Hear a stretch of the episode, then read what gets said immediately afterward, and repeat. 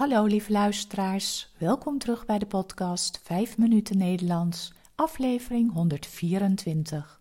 Het is vandaag woensdag 8 februari 2023. Als je de tekst van de podcast wilt lezen, kijk dan op de website petjeaf.com slash 5 minuten Nederlands. Als je de teksten van eerdere podcasts wilt ontvangen of vragen hebt, stuur dan een e-mail naar 5minutennl.gmail.com. Mijn naam is Carolien, ik ben taaldocent op de universiteit en woon in Leiden. In deze podcasts vertel ik iets over mijn leven, over wat ik de afgelopen dagen heb beleefd of iets over de Nederlandse taal en cultuur. Aflevering 124 over kroketten en havermelk. Vorige week waren Paul en ik allebei laat thuis uit het werk en we hadden geen zin meer om te koken. Zullen we een patatje halen? Ja, lekker. Dus heeft Paul de fiets gepakt en is naar de snackbar gereden. Bij de snackbar kun je allemaal lekkere dingen eten. Maar echt gezond is het niet, want bijna alles wordt gefrituurd. Dus geen gezonde groenten of vitamines. De meeste mensen bestellen een patatje met een snack erbij.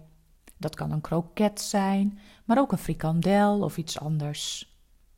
En je hebt allerlei varianten. Een patatje met is een patatje met mayonaise.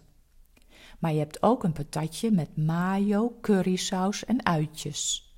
Dit heet een patatje speciaal. En dan is er ook nog eentje met mayo en pindasaus. Dat noemen we een patatje oorlog.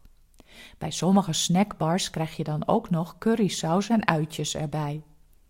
Waar de naam patatje oorlog vandaan komt, is niet helemaal duidelijk. Eén verklaring is dat er veel puinhoop is in een oorlog en dat alle sausjes samen ook op een puinhoop lijken. En zo werkt het ook voor de frikandel. Als je om een frikandel speciaal vraagt, krijg je een frikandel met mayo, curry en uitjes. En als je currysaus niet lekker vindt, kun je ook vragen om ketchup in plaats van curry. Iedereen noemt het trouwens een frikandel met een N, maar officieel schrijf je het zonder N. Dus een frikadel. Kroketten zijn er ook in allerlei soorten. Je kunt een gewone vleeskroket krijgen, een kaaskroket of een groentekroket. Die laatste zijn respectievelijk met kaas of met groente ragout gevuld. En dan zijn er ook nog wat luxere kroketten een dobbe of kwekkenboomkroket. De namen verwijzen naar het bedrijf dat deze kroketten maakt. Ze zijn absoluut lekkerder dan een gewone kroket. De ragout binnenin is lekker zacht, met beter vlees en een lekkere krokante buitenkant. Bij ons in de kantine van de universiteit en in veel restaurants kun je tussen de middag voor de lunch ook een broodje kroket bestellen. Je krijgt dan een wit of bruin kadetje met een warme kroket erbij. Het is dan de bedoeling dat je de kroket een beetje gaat pletten door op het broodje te drukken of de kroket met een vork plat te maken. Hierdoor kun je het makkelijker opeten. Dan doe je nog een beetje mosterd op en eet smakelijk. Ik was laatst met iemand uit het buitenland lunchen en hij vond het maar erg vreemd dat we dit zo deden. En eigenlijk heeft hij ook wel een beetje gelijk. En helemaal als er als Nederlanders dan ook nog een glas melk bij drinken.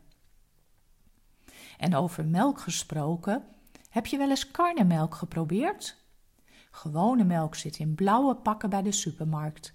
Karnemelk zit meestal in een rode verpakking en smaakt echt anders. In karnemelk zitten namelijk melkzuurbacteriën die voor die speciale smaak van karnemelk zorgen. Tegenwoordig is havermelk ook heel populair. Het is een goede vervanger voor koemelk. Omdat het gemaakt is van graan, is het zuivelvrij en veganistisch. Als je ergens een koffietje gaat drinken, is het heel gewoon om te vragen voor een cappuccino met havermelk. Zo zijn we van de snackbar aangeland bij hippe koffietentjes. Ik ga nu ook een koffietje halen van de donaties die jullie hebben gedaan. Ik wil alle luisteraars die hebben bijgedragen aan de podcast hierbij heel hartelijk bedanken.